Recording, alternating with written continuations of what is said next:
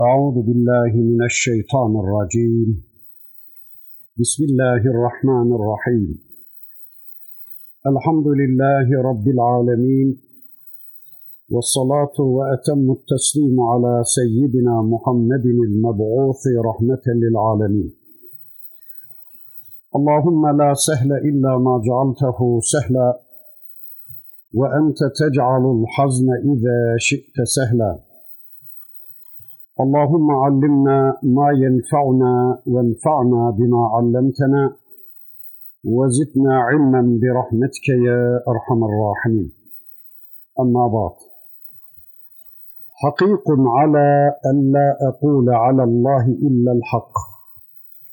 قد جئتكم ببينة من ربكم فأرسل معي بني إسرائيل إلى آخر الآيات Sadakallahul azim. Muhterem müminler, birlikte Araf suresini tanımaya çalışıyorduk. Geçen haftaki dersimizde surenin 105. ayetine kadar gelmiştik. Bu haftaki dersimizde de inşallah bu 105. ayetle alakalı bir şeyler söyledikten sonra surenin tanıyabildiğimiz kadar öteki ayetlerini tanımaya çalışacağız. Musa Aleyhisselam Firavun'a geldi. Önce kendisinin bir Allah elçisi olduğunu, Allah'a ve kendisine iman etmesini istedi. Firavun'dan evvel emirde bunu istedi ve eğer ey Firavun bunu yapmazsan bunu kabul etmezsen o zaman ver İsrailoğullarını götüreyim dedi. Ey Firavun yeter bu adamları köleleştirdiğin, yeter bu adamların kanlarını emip ızlarını kullandığın, yeter artık bu adamları sömürdüğün. Allah'ın hür yarattığı, analarından hür doğmuş bu insanları kullandığın yeter artık, ver onları götüreceğim dedi. İşte peygamberin geliş gayelerinden biri belki de en büyüklerinden birisi budur. Köleleştirilmiş insanları hürleştirmek. Tağutların, sahte tanrıların kulları haline gelmiş, getirilmiş insanları onlara kulluktan kurtarıp hür bir şekilde Rablerine kulluğa davet etmek. Yani insanların insanlara kulluğunu bitirip Allah'a kul olmalarını sağlamak. Yeryüzünde tüm zalimlerin, tüm despotların zulümlerini, haksızlıklarını kırıp yeryüzünde adaleti gerçekleştirmek. Allah'ın Resulü de Mekke'deki zuafayı köleleştirilmiş insanları efendi yapmıştı. İnsanların insanları ezmesine, insanların insanlara hükmetmesine engel olmuş, egemenliği zalimlerin elinden alıp sadece Allah'a vermişti. İşte Hz. Musa Aleyhisselam da aynı şey yapmak için geliyordu. Yıllardır Firavunların elinde oyuncak olmuş, köleleştirilmiş İsrailoğullarını Firavun'un elinden kurtarmak için geliyordu. Burada İsrailoğullarının kimliğiyle alakalı kısa bir özet sunalım inşallah. İsrail, Yakup Aleyhisselam'ın Kur'an'da da kullanılmış adıdır. Bizzat kendisinin adı. Abdurrahman, Abdullah gibi Allah'ın kulu anlamına geliyormuş. Evet, İsrail Yakup Aleyhisselam'ın adıdır. Yakup Aleyhisselam da İbrahim Aleyhisselam'ın oğlu, İshak Aleyhisselam'ın oğludur. İsrail oğulları ise işte bu Yakup oğlu, İshak oğlu, İbrahim oğlu sülalenin adıdır. Yakup Aleyhisselam'ın 12 oğlundan meydana gelen sülalenin adına Yakup çocukları veya peygamber çocukları anlamına İsrailoğulları denir. Bu Yakub'un çocuklarının ilk vatanları Kudüs civarıdır. Hani Hazreti İbrahim Aleyhisselam kavmiyle, babasıyla ve idarecilerle verdiği çetin bir mücadeleden sonra ülkesini terk etmek zorunda kalır. Ur bölgesinden Harran'a, sonra oradan Şam'a, oradan da Kudüs bölgesine gelip yerleşir. Hazreti İbrahim Aleyhisselam'ın Mısır'a bir seferinin olduğunu biliyoruz. Oğlu İsmail ile birlikte hanımı Hacer'i Mekke bölgesine bırakıp gelir Allah'ın emriyle. Hazreti İbrahim'in kendisinin yaşadığı bölge Kudüs civarındaki Halilur Rahman denilen bölgedir. İbrahim Aleyhisselam'ın vefatından sonra bu bölgede İbrahim Aleyhisselam'ın öteki hanımlarından dünya gelen oğlu Hazreti İshak peygamber olarak görevlendirildi. Demek ki iki oğlundan Hazreti İsmail Mekke bölgesinde, Hazreti İshak Aleyhisselam da Kudüs bölgesinde görevlendirildi. Kudüs bölgesinde İshak Aleyhisselam'ın vefatından sonra onun oğlu Yakup Aleyhisselam peygamber olarak görevlendirildi. Yakup Aleyhisselam'ın 12 oğlu vardı. Bu oğullarından birinin adı Yusuf'tu. Yusuf suresinde uzun uzun Rabbimiz anlatır. Baba Yakup Aleyhisselam'ın diğer oğullarından fazla Yusuf'a meyli vardı. Babalarının bu meylini kıskanan öteki çocukları kardeşleri Yusuf'u kuyuya atarlar. Kervan, Mısır, pazar, aziz, zindan filan derken Hazreti Yusuf Aleyhisselam Mısır'da yönetime getirilir. Bundan sonra baba Yakup Aleyhisselam ve onun diğer oğulları Mısır'a gelip yerleşirler. Görülen ve bilinen o ki Yakup Aleyhisselam'ın çocukları uzun bir süre Mısır'ın yönetimini ellerinde tutarlar. Peygamber çocuklarının yönetiminde bulunan Mısır halkı uzun bir süre mutlu bir hayat yaşar. Ve nihayet her toplum gibi sünnetullah gereği Mısır'da da peygamber çocukları denen bu İsrailoğullarının egemenlikleri son bulur. Mısır yönetimine Firavun oğulları denen azgın bir sülale hakim olur. Tabi İsrailoğulları Allah'ın kendilerine hayat programı olarak gönderdiği kitaplarına ve peygamberlerinin yoluna ters düştükleri için Mısır'da egemenlikleri de çok uzun sürmedi.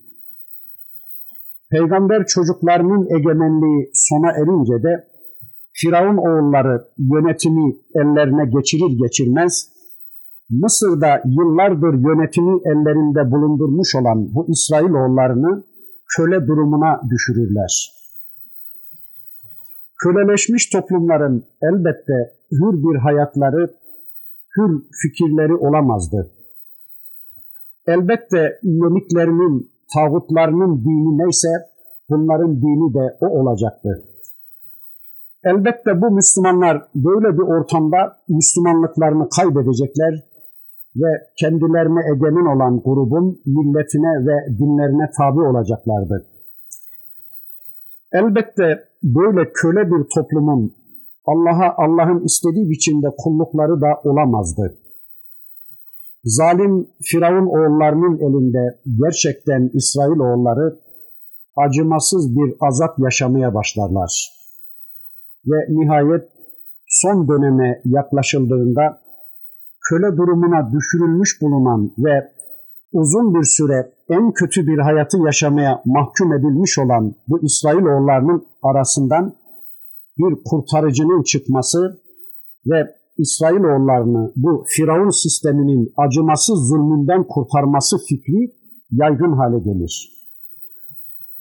Allah'ın sünneti gereği ezilen toplumlara, mustazaflara böyle kendi işlerinden bir kurtarıcı gönderilmesi söz konusudur. Ve işte bu kurtarıcı Hazreti Musa'dır ve gelmiş İsrailoğullarını Firavun'un elinden kurtarmak üzere Firavun'un karşısındadır. Hazreti Musa Aleyhisselam Firavun'a der ki, ver bu İsrailoğullarını alıp götüreceğim. Peki Allah'ın elçisi neden bu köleleri Mısır'dan alıp götürecekti? Çünkü Müslümanların zalimlerin, firavunların gölgesinde bir hayat yaşamaları kesinlikle mümkün değildi. Firavunun sistemi altında Müslümanların Müslümanlıklarını gündeme getirmeleri, imanlarının gereğini ortaya koymaları asla mümkün değildi. Böyle bir ortamda Müslümanların Müslümanca bir hayat sergilemeleri imkansızdı. Zira İslam'ın karakteri böyle bir şeye müsait değildi. Yani bir adam hem Müslümanım diyecek hem de İslam'ının, imanının gereğini yaşayamayacak. Bu kesinlikle mümkün değildi. Allah onların böyle bir Müslümanlık sergilemelerine asla razı değildi. İslam'ın karakteri toplumun en alt biriminden en üst birimine kadar aileden devlet yapısına kadar her yerde Allah'ın otoritesinin hakimiyetini istemektedir. Onun içindir ki imanlarının serbestçe görüntülenmesine izin vermeyen ve adeta kendilerini münafıkça bir hayata zorlayan böyle bir atmosferde Müslümanların yaşaması mümkün değildi. Onun içindir ki Allah'ın elçisi onları bu ortamdan alıp Müslümanca yaşayabilecekleri, Müslümanca bir hayatı ortaya koyup Müslümanca eğitilebilecekleri başka bir coğrafyaya, başka bir iklime götürmek istiyordu. Ama firavunlar asla buna izin vermeyeceklerdir. Efendiler kölelerini asla bırakmak istemezler. Efendiler hizmetçilerini asla kaybetmek istemezler. Bu adamlar giderlerse bizim işlerimizi kim görecek? Bu köleler giderlerse biz işlerimizi kime gördüreceğiz? Biz kimin sırtına bineceğiz? Biz kimin kanını emeceğiz? Onlarsız biz ne yaparız? Nasıl yaşarız diyerek efendiler kölelerini kaybetmek istemezler. Hele hele bu köleler peşin peşin köleliği sineye çekmişlerse onları hiç kaybetmek istemezler. Mesela şu anda Amerika bizi kaybetmek ister mi? Kendisine köleliği şeref bilmiş, bizim gibi köle bir toplumu Amerikan efendilerimiz kaybetmek ister mi? Avrupa'da yeşilleniyor zaman zaman biz kölelere ama Amerika bizi kaybetmemek için elinden gelen her şeyi yapıyor. Neden? Çünkü kendisine hizmet ediyor da ondan. Adam köpeğine yal çalıp onu iyi doyurur. Neden? Çünkü kendisini koruyacak da ondan. Adam koyunlarını iyi doyurmak ister. Neden? E çünkü kendisine süt verecek de ondan. İşte zaman zaman bizim efendimiz olan Amerika'nın da bize ufak tefek yardımlarının manası budur. Elbette kendisine süt verecek olan koyunlarını doyurmalıdır. Evet, hiçbir efendi kölelerini bırakmak istemez.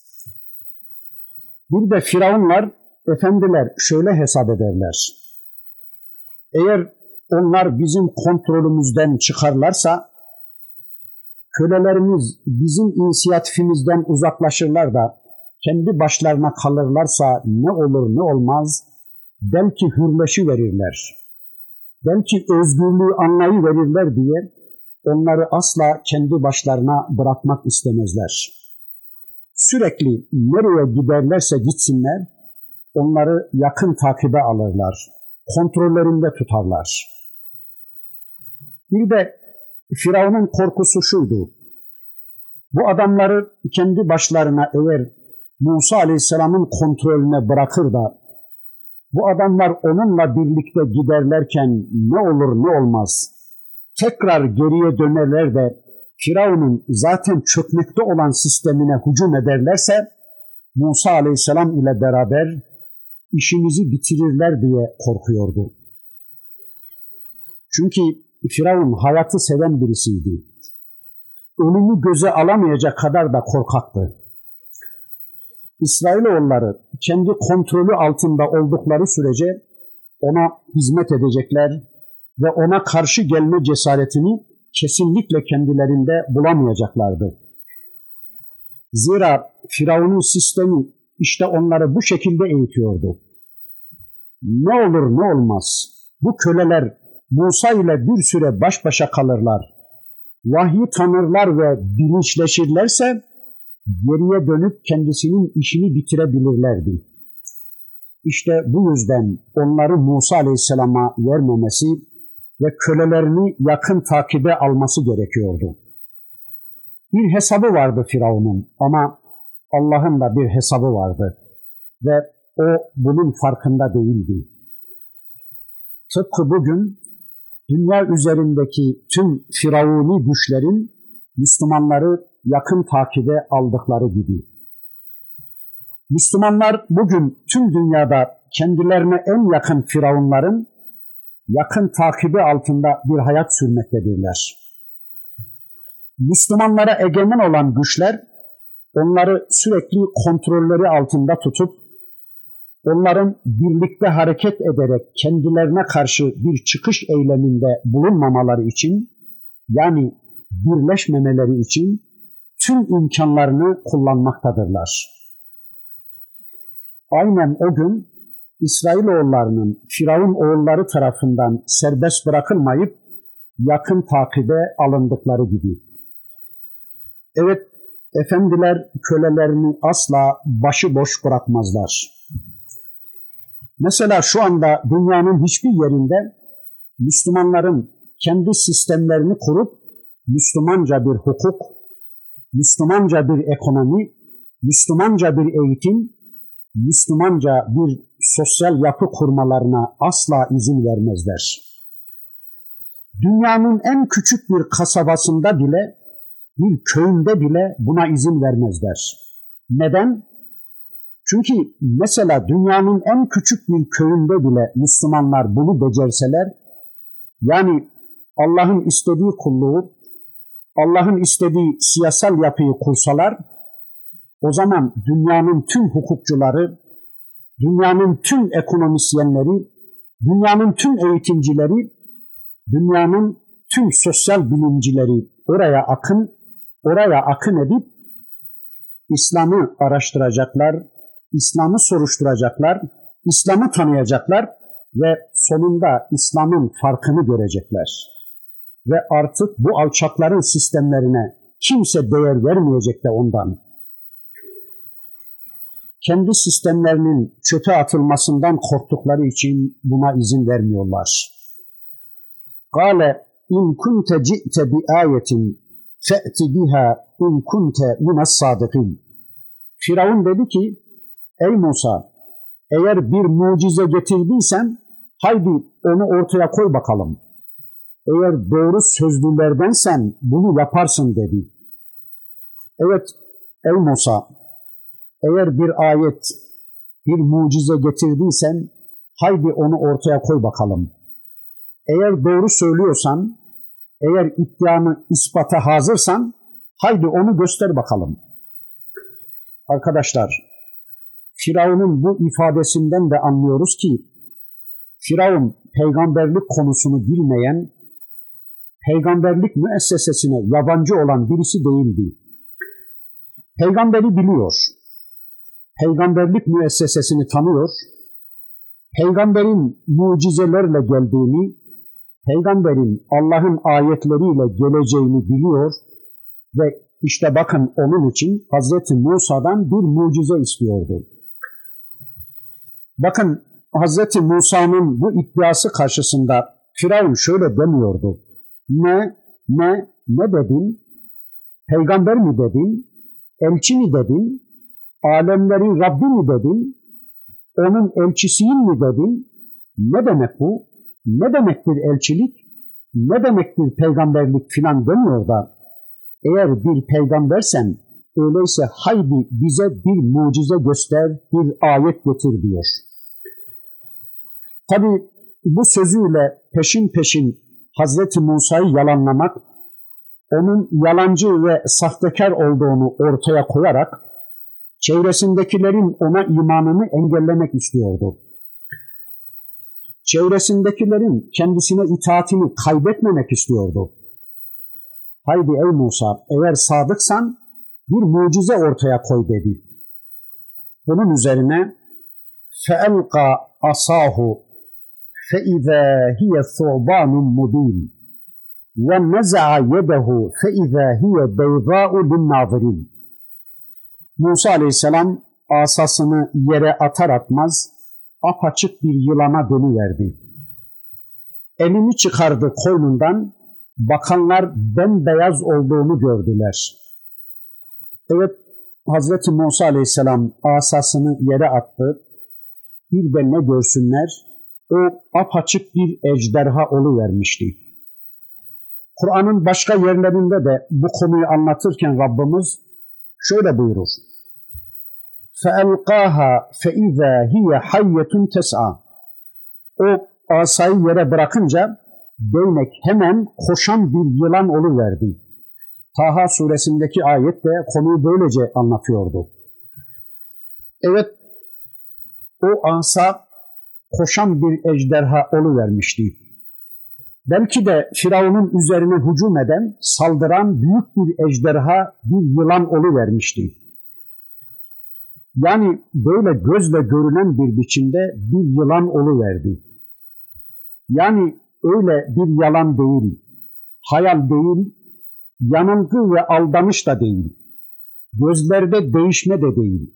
Bizzat ayan beyan bir ejderhaydı bu insanların dağı dağ olarak, dereyi dere olarak gördükleri gibi bizzat ejderhanın, yılanın kendisi vermişti o asa.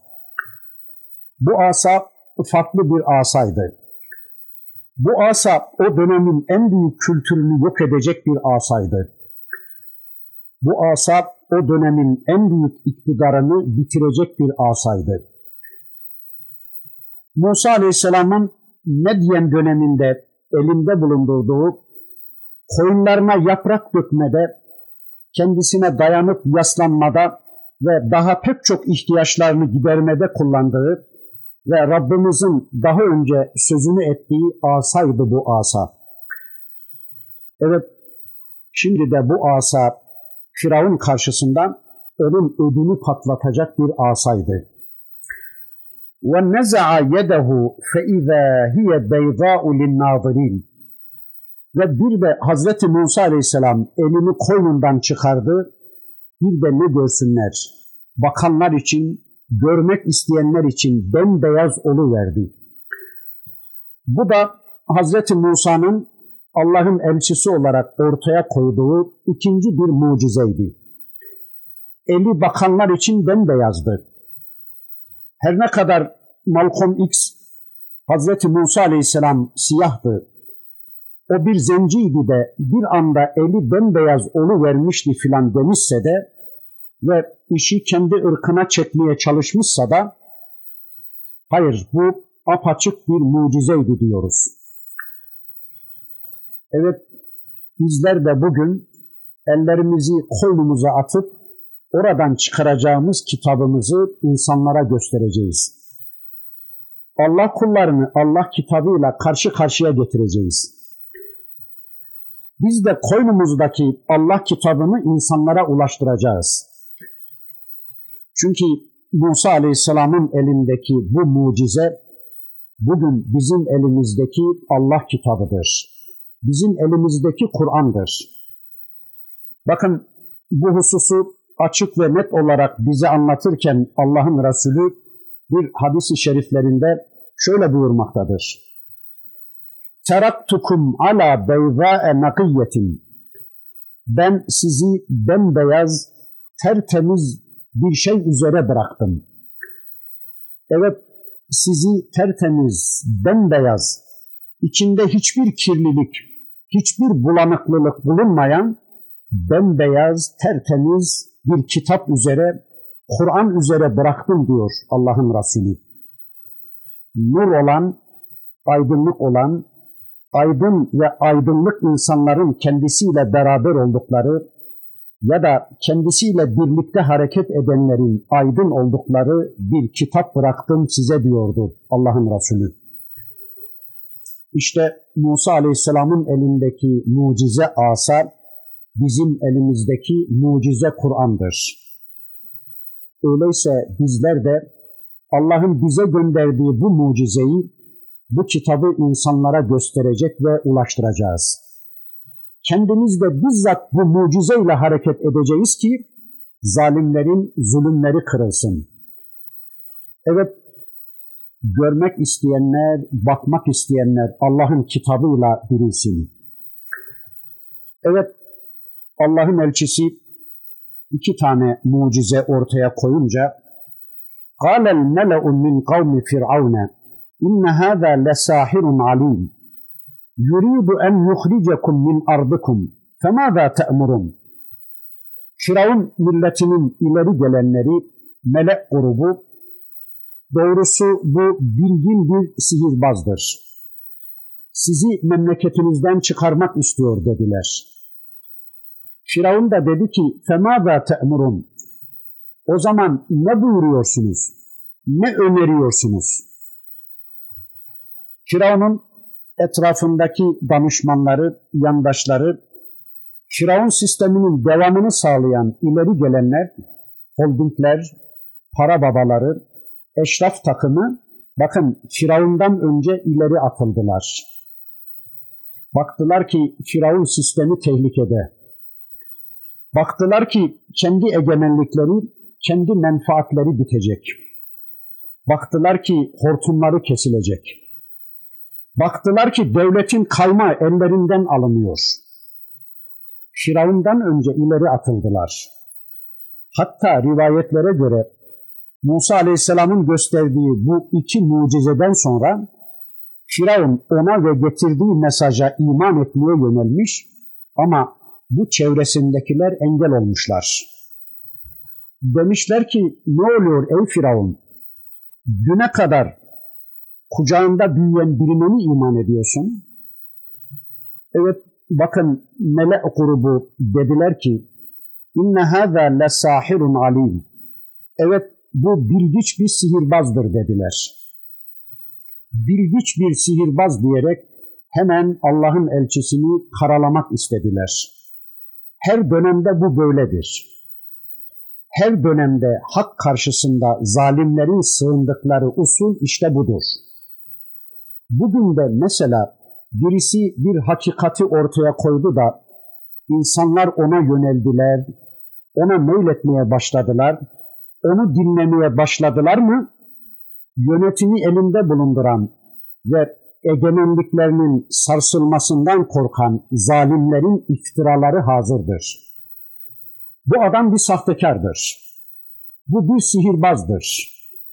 Yaptıkları ve söyledikleriyle insanları kandırmaya ve çıkar sağlamaya çalışıyor.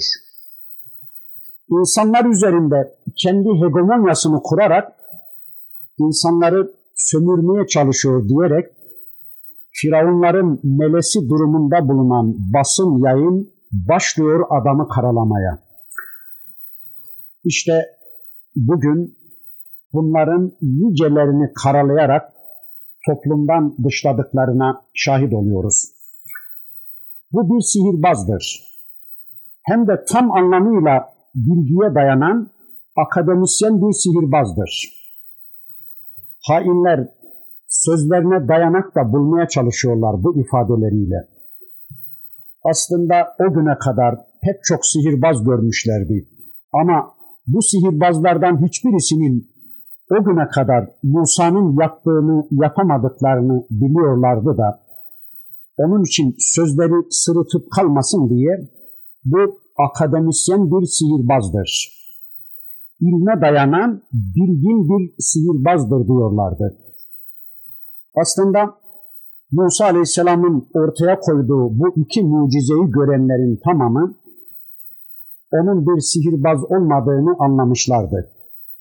Aslında Firavun da onun etrafındaki melek grubu da Musa Aleyhisselam'ın bir sihirbaz değil, Allah tarafından gönderilmiş bir peygamber olduğunu anlamış ve bilmişlerdi.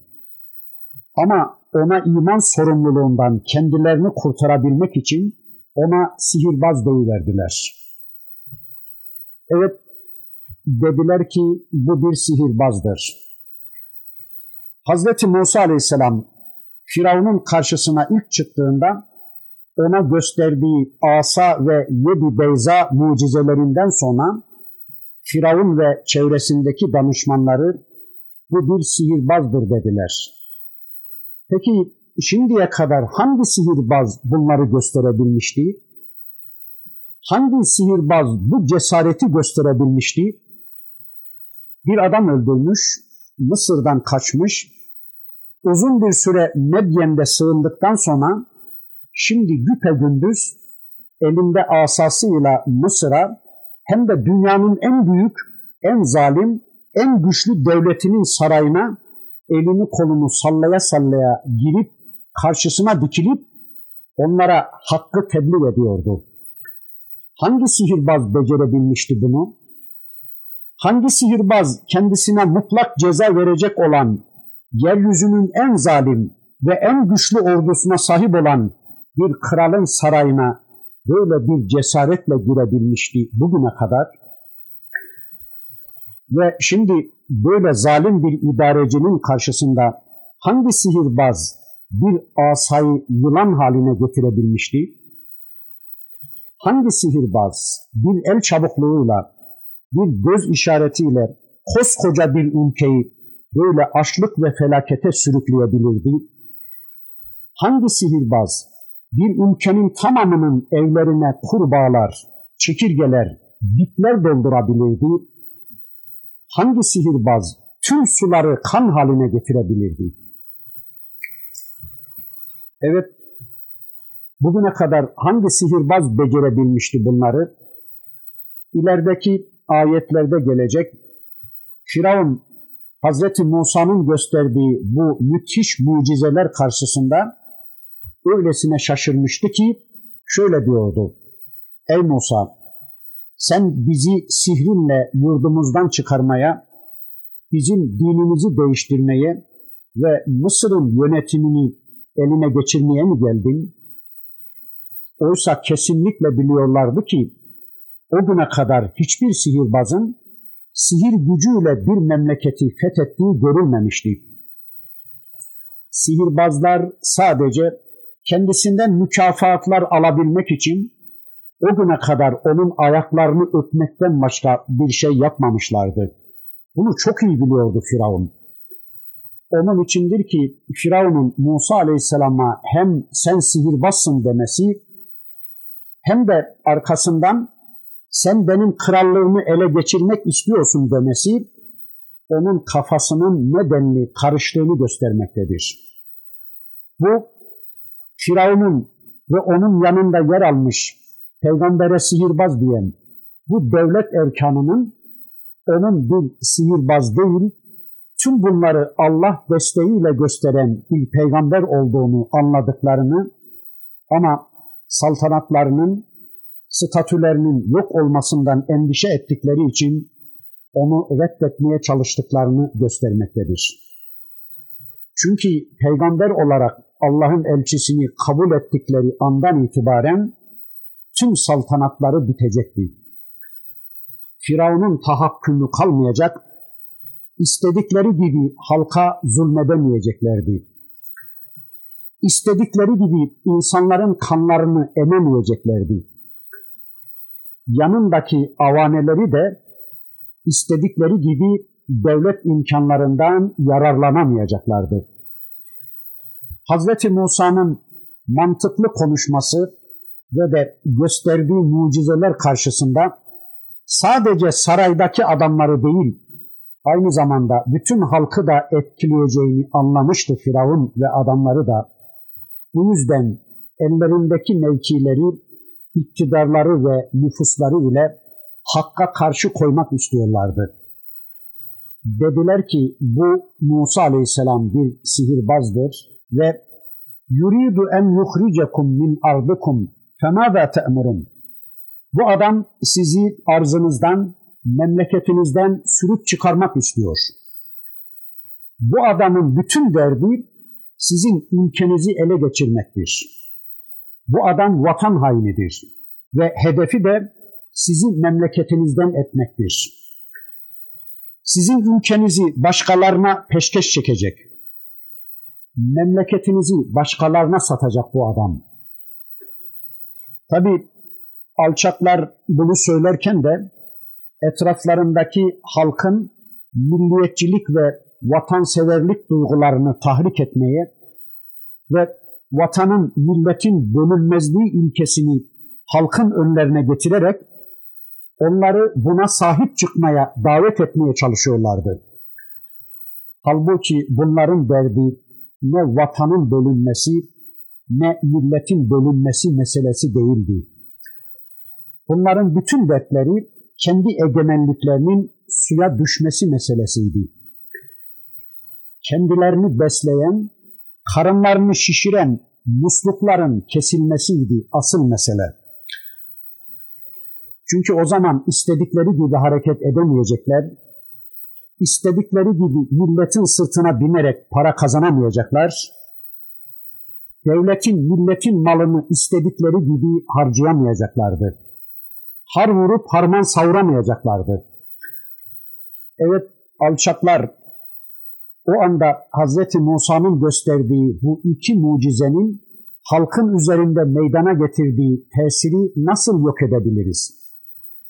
Buna karşı nasıl bir tedbir alabiliriz diye düşündüler ve sonunda halkın milliyetçilik duygularını, vatanperverlik hislerini tahrik etmeye karar verdiler. Yeryüzünde dün de bugün de tüm despotların usuludur bu. Tüm zalimlerin başvurdukları en etkili silahlarıdır bu. Bir yerlerde birileri hakkı ortaya koydu mu, hemen despotların ilk sözleri budur. Bu adam vatan hainidir. Bu adam ülke yönetimini ele geçirip kendi hegemonyasını kurmak istiyor. Bu adamın derdi iktidarı ele geçirmektir. Bu adam bizi vatanımızdan ve devletimizden edecek. Eğer Müslümanlar bir yerlerde Allah'ın egemenliğini kurmak üzere hareket etmeye başlamışlarsa, ilk defa işe devletten başlayıp kendi egemenliklerinden başka hiçbir şey düşünmeyen, Allah egemenliğinin ne demek olduğunu bile henüz bilemeyen bu adamlara bu sözü söyleme fırsatı vermek yerine ilk defa iyi bir Müslüman olmaktan başlanırsa daha iyi olacağını düşünüyorum. Yani hemen devlete talip olmak yerine iyi bir Müslüman olun demeye talip olalım. Zaten bu toplum iyi bir Müslüman olursa elbette devlet de arkasından gelecektir. Evet bu despotlar aslında kendilerinin gasip olduklarının farkındadırlar da Müslümanlar da günün birinde bu işin farkına varacaklar ve uyanacaklar diye ötleri kopmaktadır. Onun içindir ki en küçük bir harekete bile tahammülleri yoktur.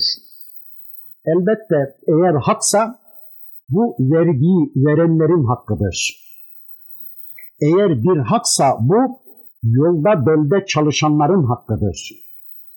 Çünkü vergiyi verip bu işi omuzlayanlar onlar, her yerde çalışanlar onlar, yükü çekenler onlar, askere gidenler onlar, ülkeyi korumaya çalışanlar onlar ama devlete sahip olmaya gelince illa da üç buçuk neydi belirsiz sosyete takımı sahip olmalıdır devlete. Evet Musa bir vatan hainidir. Sizin ülkenizi elimizden almak istiyor dediler Danışmanları, yardakçıları böyle deyince bakın Firavun da dedi ki فَمَاذَا تَأْمُرُونَ o halde ne buyurursunuz? Şimdi Musa'nın bu insanlar üzerinde meydana getirdiği bu tesiri yok etmek için nasıl bir yol izleyelim? Nasıl bir tedbir alalım? Nasıl karalayalım onu? Ne önerirsiniz bu konuda? Peki kim diyordu bunu? Firavun diyordu. Şu tanrılık iddiasında bulunan adam, şu çevresindeki insanlara فَقَالَ اَنَا رَبُّكُمُ الْعَالَى Ben sizin en yüce Rabbinizim diyen adam. Hem Tanrı olduğunu, Rab olduğunu, ilah olduğunu iddia ediyor, hem de ne yapacağını bile bilemiyor da etrafındakilere danışıyordu hain. İşte yeryüzündeki tüm tanrı taslaklarının gücü de budur, bilgisi de budur. Mısır benimdir. Bu ülkenin her şeyi benden sorulur. Benim iznim olmadan Mısır'da bir kuş bile uçamaz diyen adam öyle diyordu. Ne emredersiniz? Ne önerirsiniz? Hani Rab olanın alim olması gerekecekti. Hani ilah olanın hakim olması gerekecekti. Hikmet sahibi ve hakimiyet sahibi olması gerekecekti. Her şeyi belli bir hikmetle ve hiç kimseye danışmadan, kimsenin etkisi altında kalmadan yapması gerekecekti. Hani Rab olanın her şeye kadir olması gerekecekti. Her şeye güç getirmesi gerekecekti. Hani Rab olanın aziz olması gerekecekti güçlü kuvvetli olması gerekecek değil. Ama işte Firavunların raplikleri ve ilahlıkları buraya kadardı. O böyle danışınca bakın çevresindekiler de dediler ki Kalu ercih ve ahahu ve ersil fil medaini haşirin ye'tuke bi kulli sahirin alim Ey Firavun onu ve kardeşini tut.'' Onu ve kardeşini eyle. Şehirlere toplayıcılar gönder de bütün bilgin sihirbazları sana getirsinler dediler. Evet dediler ki onu Musa Aleyhisselam'ı ve beraberindeki kardeşi Harun'u hapset ey Firavun. İkisini de alıkoy ve şehirlere de toplayıcılar gönder. Ne kadar bilgili, uzman sihirbaz varsa onların hepsini sana getirsinler. Mısır'ın tüm şehirlerinde ne kadar bilgiç, mahir sihirbaz varsa hepsini toplayıp sana getirsinler. Hem de öyle basit, statüsüz sihirbazları değil, bu işin profesörü olanlarını, profesyonel olanlarını, akademisyenlerini toplayıp sana getirsinler. Evet, Firavuni sistemlerin teşkilatlandığı şehir merkezlerine haberler gönderip her türlü numaracıları, her cins sahtekarları, sistemin yetiştirdiği her tür profları, ekonomistleri, hukuk uzmanlarını, sanatkarları ve her sahada uzmanları çağıracaklar ve hep birlikte birbirlerine destek vererek sistemi tehdit eden Allah elçisiyle mücadele verecekler. Tabi ya ne için yetiştirmişti sistem bu adamları? Ne güne besliyordu sistem bu adamları? Böyle bir zamanda da gelmeyeceklerdi de ne zaman geleceklerdi?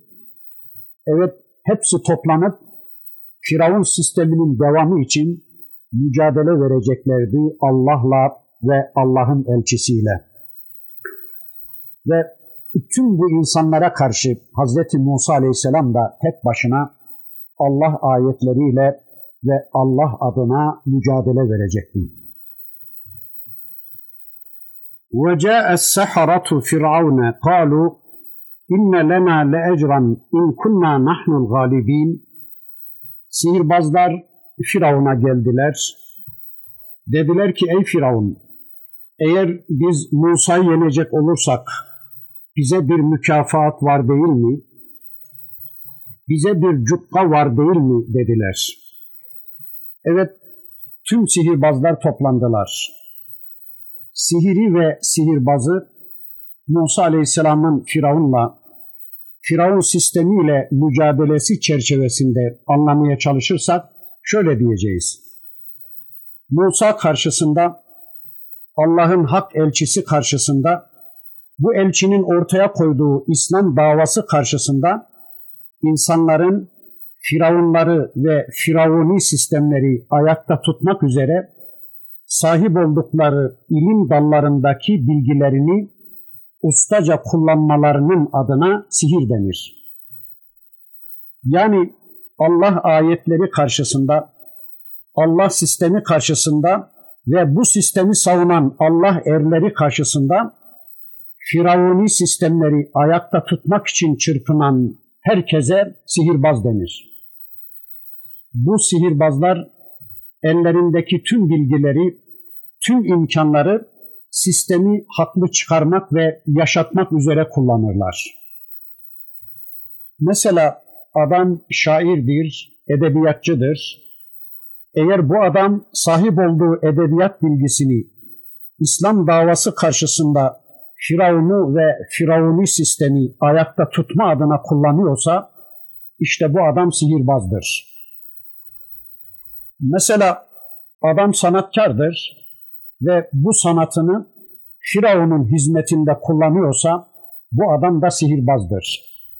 Veya adam bir dalda doçenttir, profesördür, hukuk bilgisine sahiptir, teknik bilgilere sahiptir ve bu bilim dalıyla Firavun sistemini destekliyorsa, yani Musa'yı ve Musa gibileri Müslümanları yalancı çıkarma kavgası veriyorsa, halkın gözünü boyama kavgası veriyorsa, işte bunlar da sihirbazdır. Şarkıcılar böyledir, tiyatrocular böyledir, para babaları böyledir. Zaten sihir neydi? Sihir beyazı siyah, siyahı beyaz, hakkı batıl, batılı hak gösterme el çabukluğudur ve bunu yapan herkes sihirbazdır. Yani Musa'yı Firavun, Firavun'u Musa gösteren herkes sihirbazdır. Kendi heva ve heveslerinden kaynaklanan bir sistemi hak, Allah'ın yasalarına bağlı İslam sistemini de batıl göstermeye çalışan ve bu uğurda sayeden herkes sihirbazdır. Karıyla kocanın arasını ayıran, kardeşi kardeşe düşman yapan, farklı farklı hiziplere ayırarak Müslümanları birbirleriyle vuruşturan demokrasiyi hak, İslam'ı da batıl göstermeye çalışan herkes sihirbazdır. Bir başka deyişle insanın insana kulluğu anlamına gelen demokrasiyi savunan, bu sistemin en güzel bir sistem olduğunu, insanların saadetini temin eden bir sistem olduğunu savunan herkes sihirbazdır. Bunlar da çağdaş sihirbazlardır. Evet, işte bu cinsten Firavun'un destekçisi tüm sihirbazlar bir meydanda toplandılar. Hepsi de Allah elçisine karşı fikir birliği, güç birliği oluşturdular. Tüm sihirbazlar, tüm halk Allah elçisine karşıydı. Tüm sihirbazlar, tüm halk Allah elçisine karşıydı. Bakın Musa Aleyhisselam'la yarışacak bu sihirbazlar dediler ki قالوا inne lena le ecran in kunna nahnul galibin bize elbette bir ücret vardır. Eğer galip taraf biz olursak dediler. Bu sözle hem bir soru hem de bunu Firavun'a kabul ettirme çabası vardı. Yani elbette Firavunlar kendilerini besleyecekti. Çünkü onlar onun için vardılar ve de Firavunlar onlara muhtaçtı. Çünkü Firavunları ve Firavun sistemlerini ayakta tutan bunlardı. Onun için onları parasıyla beslemek zorundaydı Firavunlar. Tüm kapıları açmalıydı onlar için. Her iki taraf için de şahsiyetsizliktir bu ama ne fark eder de ne Firavunlarda böyle bir şahsiyet ne de onlara köpeklik yapanlarda böyle bir onur beklenemezdi zaten. Evet diyorlar ki ey Firavun şimdi biz Musa'ya karşı galip gelirsek elimizdeki bilgiler ve imkanlarla Musa'yı ve onun davasını halkın gözünde düşürüp seni ve sistemini kurtarırsak bize bir ücret var değil mi? Alçaklar ücreti fani birisinden istiyorlar. Mükafatı ölümlü birisinden bekliyorlar. Faniye sırtlarını yaslamak istiyorlar. Halbuki mesela tam Firavun onlara mükafatlarını vereceği esnada ölü verse elleri boşa çıkacaktı. Ama bu adamlar Allah için hareket etselerdi, mükafatlarını Allah'tan bekleselerdi çok daha hayırlı olacaktı. Ama işte ondan istiyorlar. Elbette bu kapitalist sistemin yetiştirdiği insanların gözünde paradan başka da değerli bir şey yoktur. Vahiy sisteminin dışındaki tüm sistemlerde temel hedef paradır. Allah'a inanmayan, cennete inanmayan, vahyi tanımayan toplumlarda para için insanların yapamayacakları bir şey yoktur. Ve bu tür toplumlarda yapılan her iş, atılan her adım mutlaka para karşılığında, menfaat karşılığında yapılacaktır.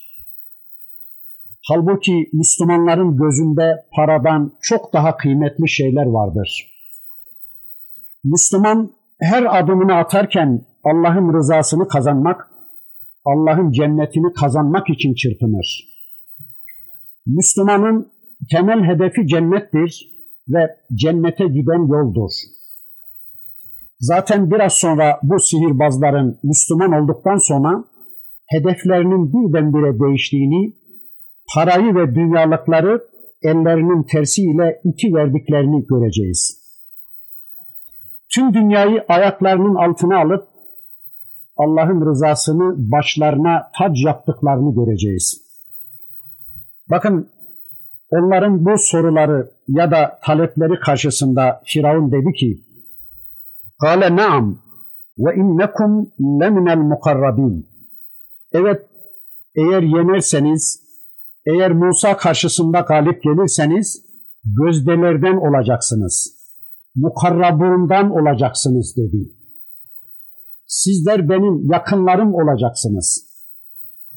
Mukarrabun ifadesini Rabbimiz da kulları mukarrabun, yakınlar, yakınlaştırılanlar, mahiyete alınanlar demektir ki mukarrabunun nimetleri sorulmaz. Artık onlar için her şey vardır. Firavun da öyle diyor bakın. Ben sizi mahiyetime aldım diyor. Sizi bakan yapacağım. Sizi dekan yapacağım. Sizi müdür, genel müdür yapacağım. Sizi müşavir, müsteşar yapacağım. Sizin için her kapı açılacaktır. Giremeyeceğiniz bir kapı, elde edemeyeceğiniz bir nimet kalmayacak. Sizler merkezdesiniz. Sizler sarayın içindesiniz. Size kapalı hiçbir kapı kalmayacaktır. Krediler, teşvik primleri size akacak. Tüm bankalar sizin emrinizde olacak. Yeter ki siz beni koruyun. Yeter ki Musa karşısında, Musa'nın gündeme getirdiği Allah yasaları karşısında benim yasalarımı, benim egemenliğimi koruyun. Ne isterseniz isteyin size vereceğim.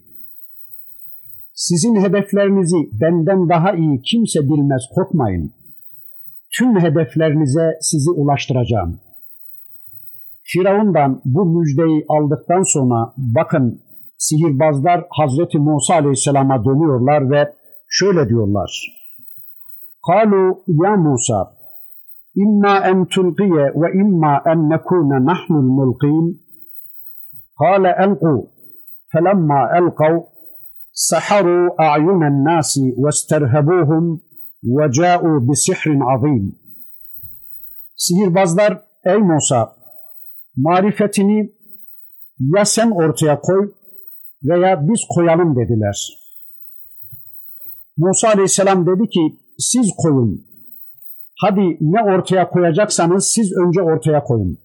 Sihirbazlar marifetlerini ortaya koyunca insanların gözlerini sihirlediler ve onları ürküttüler. Büyük bir sihir yaptılar. Evet, bakın diyorlar ki ey Musa, önce sen mi atacaksın yoksa biz mi atalım?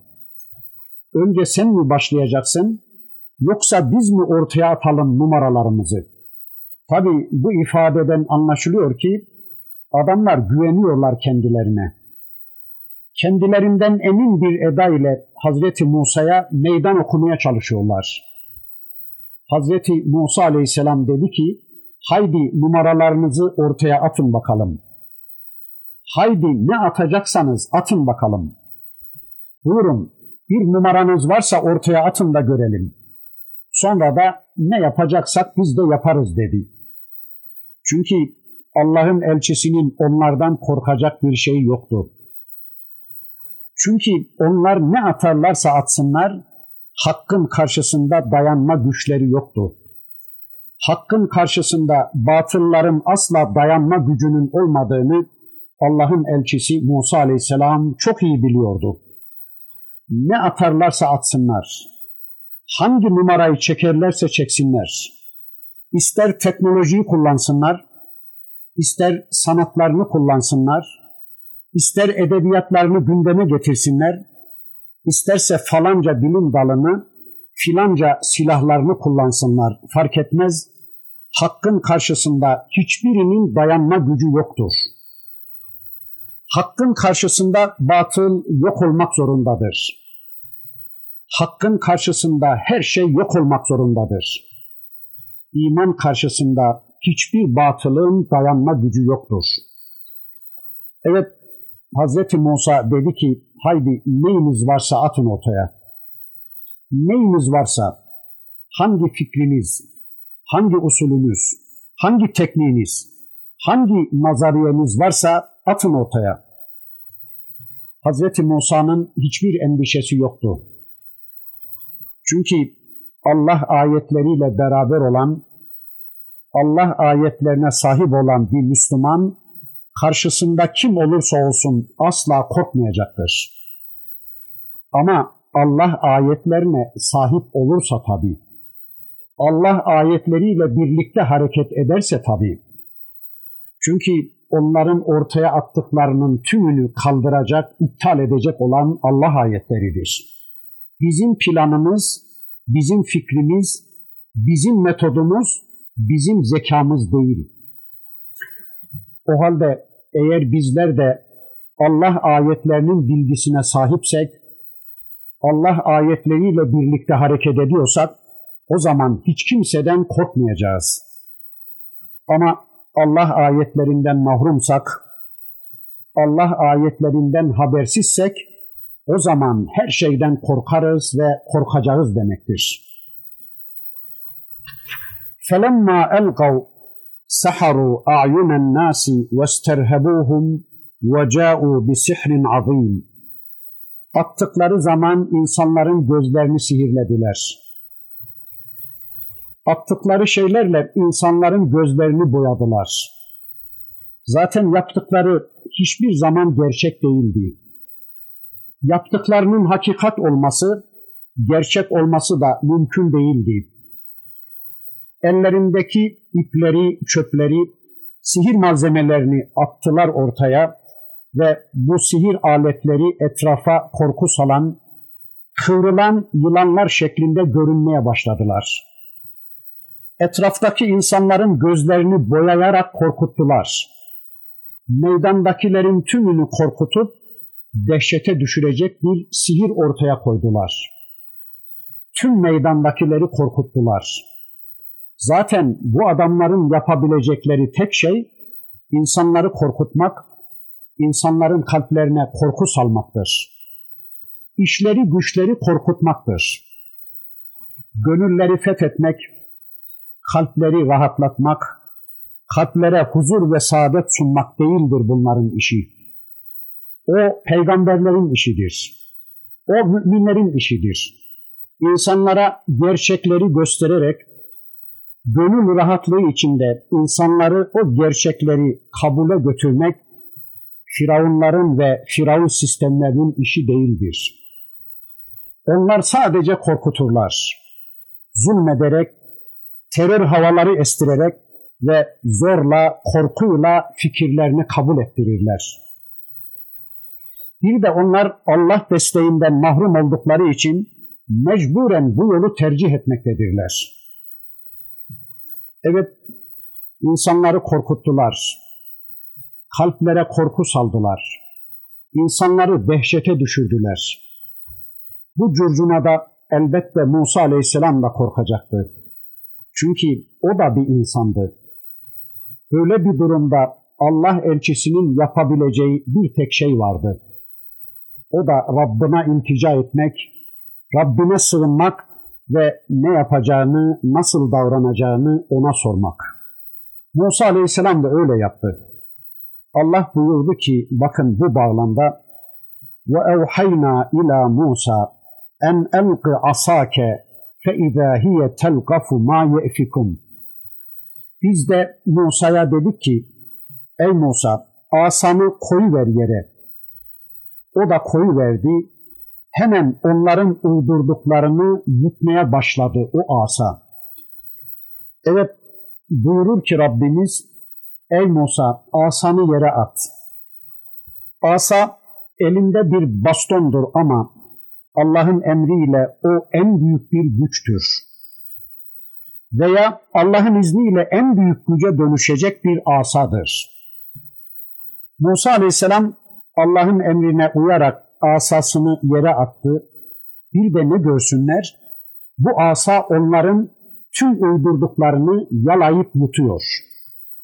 Meydandaki tüm yılanları yalayıp yutuyordu.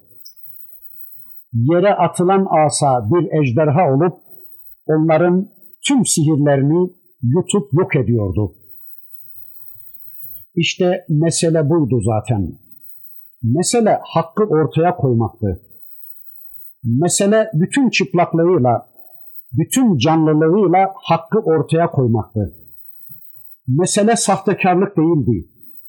Mesele falanın filanın aleyhinde konuşmak değildi mesele birilerinin aleyhinde konuşarak onları küçülterek büyümek değildi. Mesele sadece açık ve net bir biçimde hakkın ortaya konulmasıydı. Allah elçisinden bunu istemişti ve Allah'ın elçisi de işte bunu yapmıştı. فَوَقَعَ الْحَقُّ وَبَطَلَ مَا كَانُوا يَعْمَلُونَ Hak vakı oldu, hak tahakkuk etti hak gerçekleşti, onların yaptıklarının tamamı boşa gitti. Evet, hak ortaya çıktı. Hak gözlerle görülecek, gözlerin asla reddedemeyeceği bir biçimde vaki oldu ve sihirbazların ortaya koyduklarının tamamı batıl oluverdi. Onların hak karşısında ortaya attıklarının tamamı yerle bir oluverdi. Hak geldi, batıl zail oldu. Hak geldi ve tüm batıllar yok oldular. Zira hakkın karşısında hiçbir batıl yaşama imkanına sahip değildir hakkın karşısında hiçbir batılın tutunma şansı yoktur. Eğer bizler de şu anda tıpkı Allah elçisi Hazreti Musa Aleyhisselam gibi hakkı ortaya koyabilirsek, bizim hakkımız karşısında da tüm batıllar yok olup gideceklerdir. Arkadaşlar, dünkü Hazreti Musa'nın elindeki hak, onun elindeki asa, bugün bizim elimizdeki Kur'an'dır, bizim elimizdeki vahidir. Eğer bizler de bugün Allah vahyini net ve açık bir şekilde ortaya koyabilirsek, hiç şüpheniz olmasın ki şu andaki tüm batıllar yok olmak zorunda kalacaktır. Allah'ın yasalarında değişme olmaz. Dünkü yasa neyse bugünkü yasa da odur. Ve eğer şu anda batıllar yaşama imkanı bulabilmişlerse bilelim ki bu hakkın olmayışındandır. hakkın açık ve net bir biçimde ortaya konamayışındandır. Musa aleyhisselam gibi hakkı ortaya koyacak Allah erlerinin olmayışındandır. Yoksa hak karşısında hiçbir batılın dayanma şansı yoktur. Eğer bizler bugün peygamberleri örnek alabilirsek, Allah elçilerinin batıllar karşısında sergiledikleri mücadeleyi korkmadan Allah'a dayanarak, Allah'a güvenerek verebilirsek, tıpkı Hazreti Musa Aleyhisselam'ın mucizesi gibi Muhammed Aleyhisselam'ın da kıyamete kadar devam edecek olan en büyük mucizesi Kur'an mucizesine sahip çıkabilirsek, insanların karşısına bu kitapla çıkabilirsek, kesinlikle bilelim ki Allah bizleri de muvaffak kılacaktır. Evet, Allah'ın elçisinin ortaya koyduğu hak karşısında tüm batıllar tıpkı su üzerindeki köpük gibi yok olup gittiler. Öyleyse batıllar kesinlikle bizi korkutmamalı. Tıpkı akan sel sularının üzerindeki köpüğe benzeyen batılın bazen bazen su yüzüne çıkması, bazen bazen geçici bir süre için üstünmüş gibi görünmesi bizi asla ürkütmemelidir. Çünkü önemli olan suyun üzerindeki köpük değil, suyun bizzat kendisidir. Çünkü suyun üzerindeki köpük arızıdır, geçicidir. Bunu asla unutmayalım. فَغُلِبُوا هُنَالِكَ وَانْقَلَبُوا صَاغِرِينَ İşte onlar yenildiler, küçük düştüler. Evet, sihirbazlar işte burada mağlup oldular, yenildiler, küçüldüler, küçüldükçe küçüldüler. Elbette mağlup olacaklardı. Çünkü karşılarında hak vardı. Elbette zillete mahkum olacaklardı. Çünkü hak karşısında mücadeleye tutuşmuşlardı. Bunun için rezil ve rüsva oldular.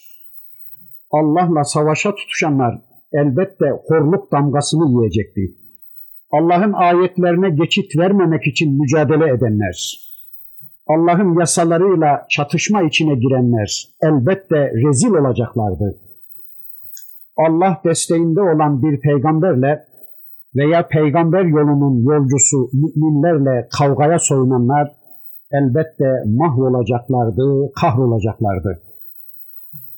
Tıpkı surenin önceki ayetlerinde Rabbimizin anlattığı gibi kendilerinden önce yaşamış, kendilerinden çok daha güçlü Nuh toplumunun, Lut toplumunun, Adın, Semud'un, Eykelilerin yok olup gittikleri gibi. Bunlar da Allah'la, Allah'ın ayetleriyle, Allah'ın elçileriyle, Allah'ın yasalarıyla savaşa tutuşmuşlar ve sonunda hepsi de alçalmış olarak azabı tatmışlardı. Evet, tıpkı onlar gibi Allah elçisi karşısında mücadeleye tutuşan sihirbazlar da mağlup oldular, küçüldüler, küçüldükçe küçüldüler. Sonra ve ulqiye saharatu sacidin. Kalu amennâ bi rabbil alemin. Rabbi Musa ve Harun. Sihirbazlar secdeye kapanıp alemlerin Rabbına Musa ve Harun'un Rabbine iman ettik dediler.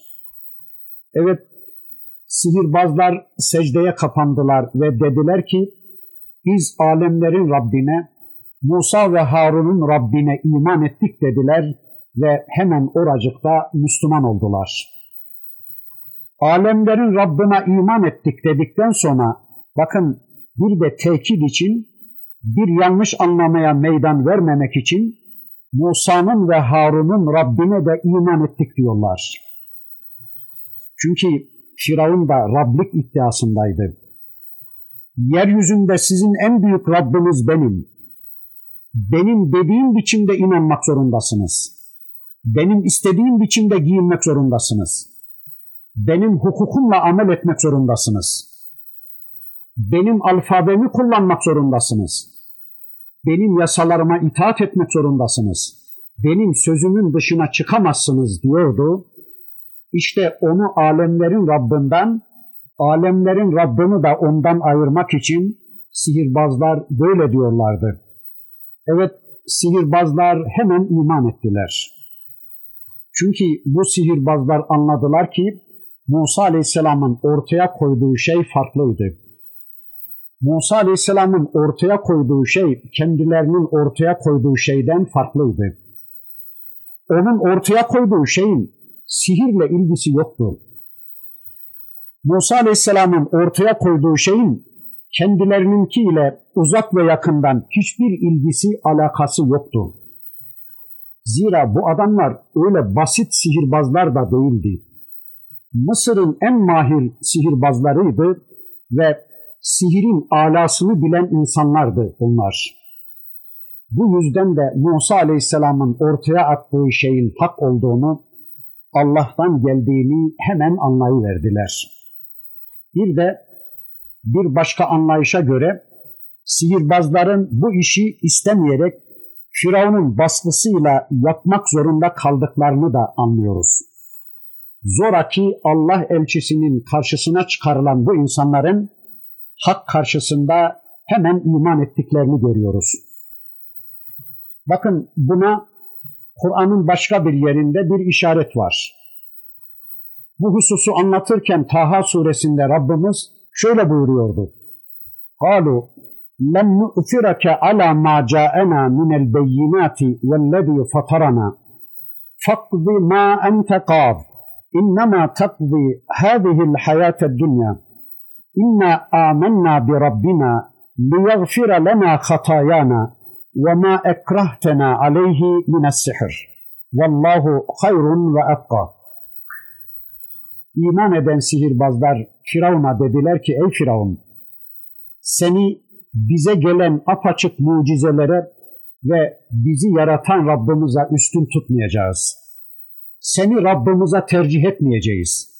Ne hüküm vereceksen ver. Sen ancak bu dünya hayatına hükmedebilirsin. Doğrusu biz yanılmalarımızı, hatalarımızı ve bize zorla yaptırdığın sihri bağışlaması için Rabbimize iman ettik.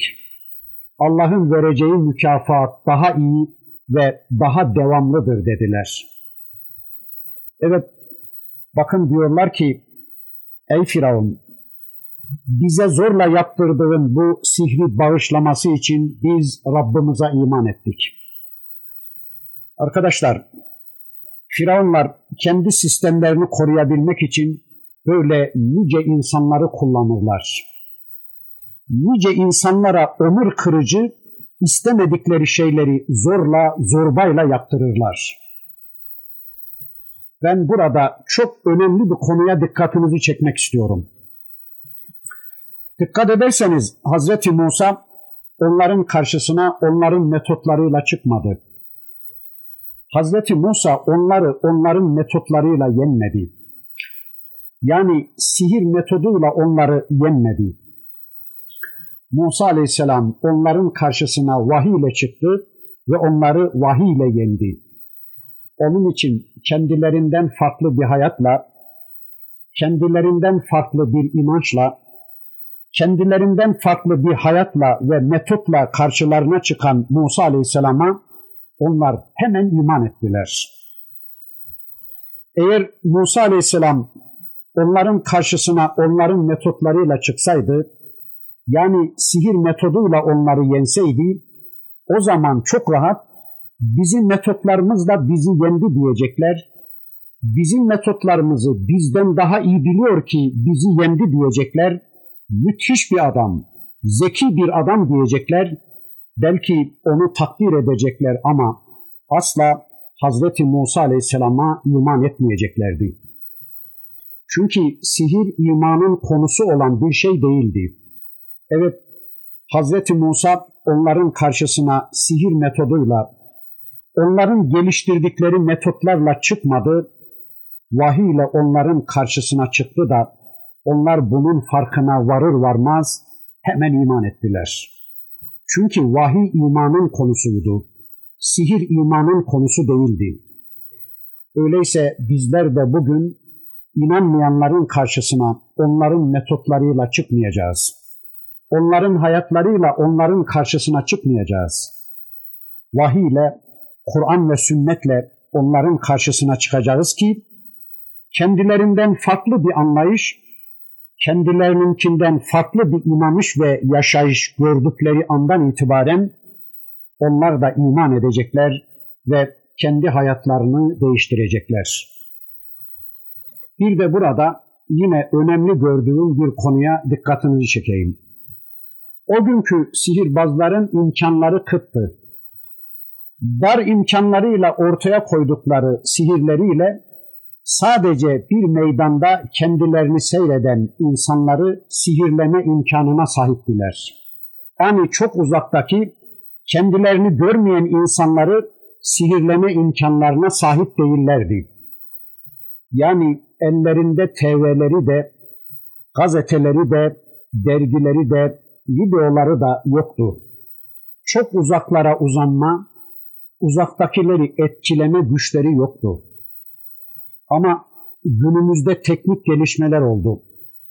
Günümüz sihirbazları teknik yönden öylesine güçlendiler, öylesine büyük imkanlara sahip oldular ki sadece meydanlarda, sadece salonlarda kendilerini görenleri değil, ellerindeki imkanlarla çok uzaktaki insanları bile sihirleme, etkileri altına alma gücüne sahiptirler.